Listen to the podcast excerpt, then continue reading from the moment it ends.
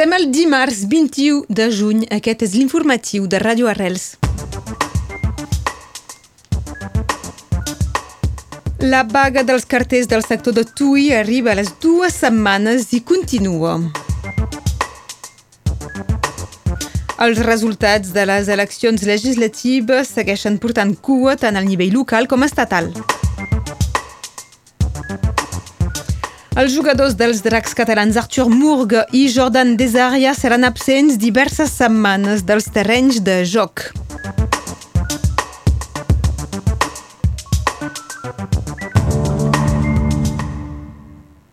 A Tui continua la vaga dels carters que va començar el passat 7 de juny. Els vaguistes, que reben el suport de l'intersindical CGT-FO Sud, saluden que la direcció de la posta ha tornat a seure a la taula de negociació, però consideren que fins ara sols els carters estan fent concessions sense res obtenir a canvi.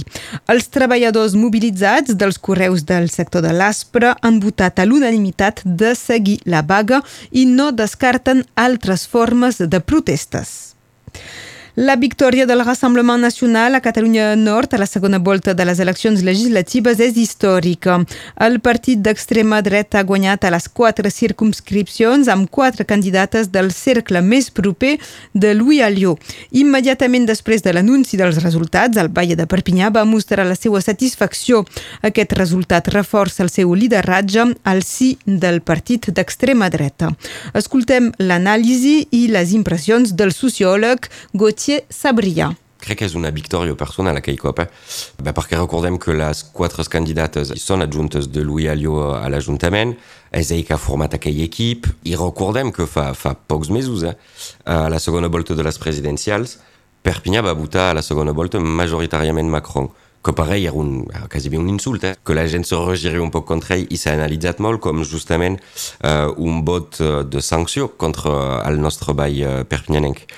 Aquí és el contrari, és a dir, que és ell que posat uh, en plaça tothom, és a dir, gent a més a més que formen part del seu equip personal, guanyen, i guanyen bé, s'ha de dir, eh? amb, amb, amb prou vots, i de cara als mitjans de comunicació, també del, tant del sud com de parisencs, diguem, veiem com aquest tinc la sensació que la gent, per molt que sigui un, un resultat històric, quatre diputats d'extrema dreta, crec que els mitjans s'han acostumat a veure victòries de l'extrema dreta a Catalunya Nord i tinc pas la sensació que faci cap terratrèmol a nivell mediàtic tant a Barcelona com, com a París. I me fa una mica por també de veure que s'hagi normalitzat també des de fora de Catalunya Nord eh, aquests resultats.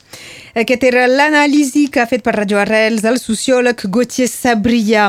El Partit Unitat Catalana ha reaccionat en un comunicat a aquesta victòria de l'ERN, una situació que lamenta, considera que el Rassemblement Nacional lluita contra la cultura catalana, les relacions transfrontereres i qualsevol expressió de l'identitat de Catalunya Nord. D'altra banda, Unitat felicita els seus aliats dins de Regió i Pobles solidaris que han renovat els diputats regionalistes, Paul Molac a Bretanya, Michel Castellani, Paul André Colombani i Jean-Félix Aquaviva a Còrsega, així com Charles de Courson i Bertrand Plancher del grup Llibertats i Territoris. També saluda l'elecció dels tres diputats independentistes de la Polinèsia, així com els representants dels partits de Martinica, Guadalupe i Guyana a l'ultramar. Finalment, Unitat Catalana defensa unes eleccions proporcionals directes. Encara la reacció a aquestes eleccions legislatives, el Consell de Ministres previst per avui ha estat anul·lat. El president de la República, Emmanuel Macron, ha decidit de rebre entre avui i demà un a un els líders de cada partit amb representació a l'Assemblea Nacional. A Catalunya Sud s'han finalment apagat tots els incendis que cremaven des de feia una setmana. Han estat més d'una cinquantena de focs que han afectat almenys unes 4.000 hectàrees en total. El risc d'incendi segueix molt elevat i les autoritats estudien diverses mesures de prevenció de cara a la diada de Sant Joan. Es descartaria la prohibició total d'encendre fogueres i tirar petards, però sí evitar les zones situades a menys de 500 metres de boscos a més d'apel·lar a la màxima vigilància i responsabilitats dels usuaris amb decisions al cas per cas a cada municipi.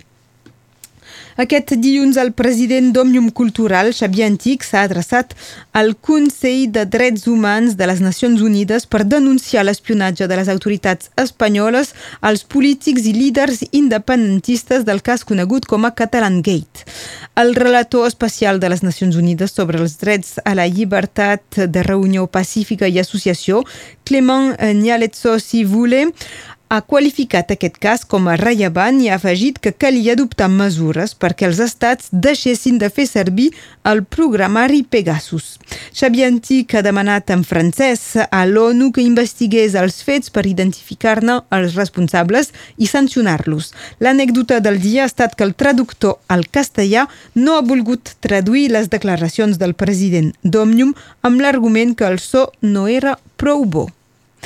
A Ucraïna ja s'han superat els 120 dies des de l'invasió russa. El Premi Nobel de la Pau 2021, el rus Dmitri Muratov, cofundador de la publicació Novaya Gazeta, ha posat a la venda la seva medalla del Nobel. Muratov ha obtingut més de 100 milions de dòlars que destinarà a un programa de l'UNICEF que ajuda els mainatges desplaçats arran del conflicte a Ucraïna.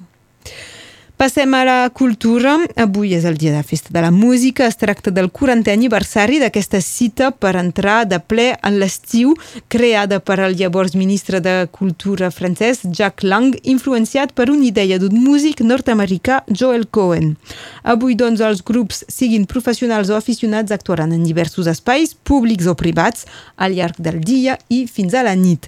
Destaquem, per exemple, que el grup The Yams actuarà aquest vespre a Canus. La pel·lícula catalana de Carla Simon, que va guanyar l'Os d'Or de la Berlinale al Carràs, ha superat els 2 milions d'euros de recaptació. El film es va estrenar a finals del mes d'abril i fins ara ha estat vist per quasi 340.000 espectadors. Al nivell internacional, el Carràs s'ha estrenat a Itàlia. Aquesta tardor ho farà a Anglaterra i als Estats Units, mentre que a l'estat francès haurem d'esperar el 7 de desembre.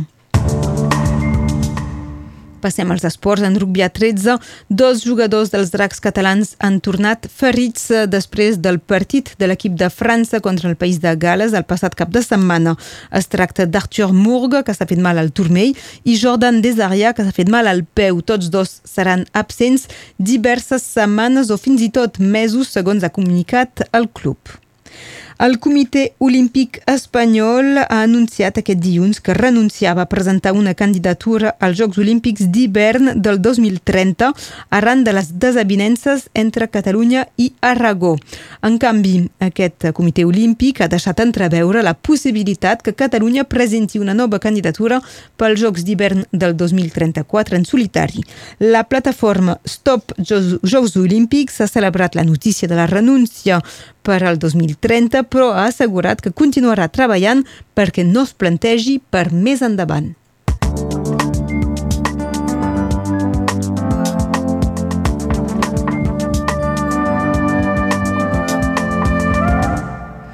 Passem a la previsió del temps amb la Meritxell Cristòfol.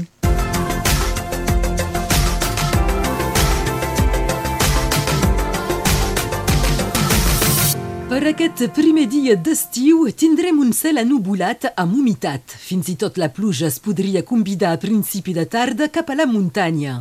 Avui comptarem també amb el vent. Aquesta tarda les ràfegues màximes seran de 36 km per hora a la Cerdanya, 32 al Conflent, 24 km per hora cap a la costa. Sabent que més ens aproparem del vespre i menys el vent bufarà a la Cerdanya i al Conflent, però podria s'intensificar a la vora del mar. Les màximes haurien de no despassar 34 graus a Serret, 32 graus al Soler, Prada i Illa, 31 a la capital i a la Bastida, 30 graus a Argelès, 29 a Elna i Banyuls de la Marenda, 26 graus a Oceja, 25 a Torrelles i 24 graus a Montlluís.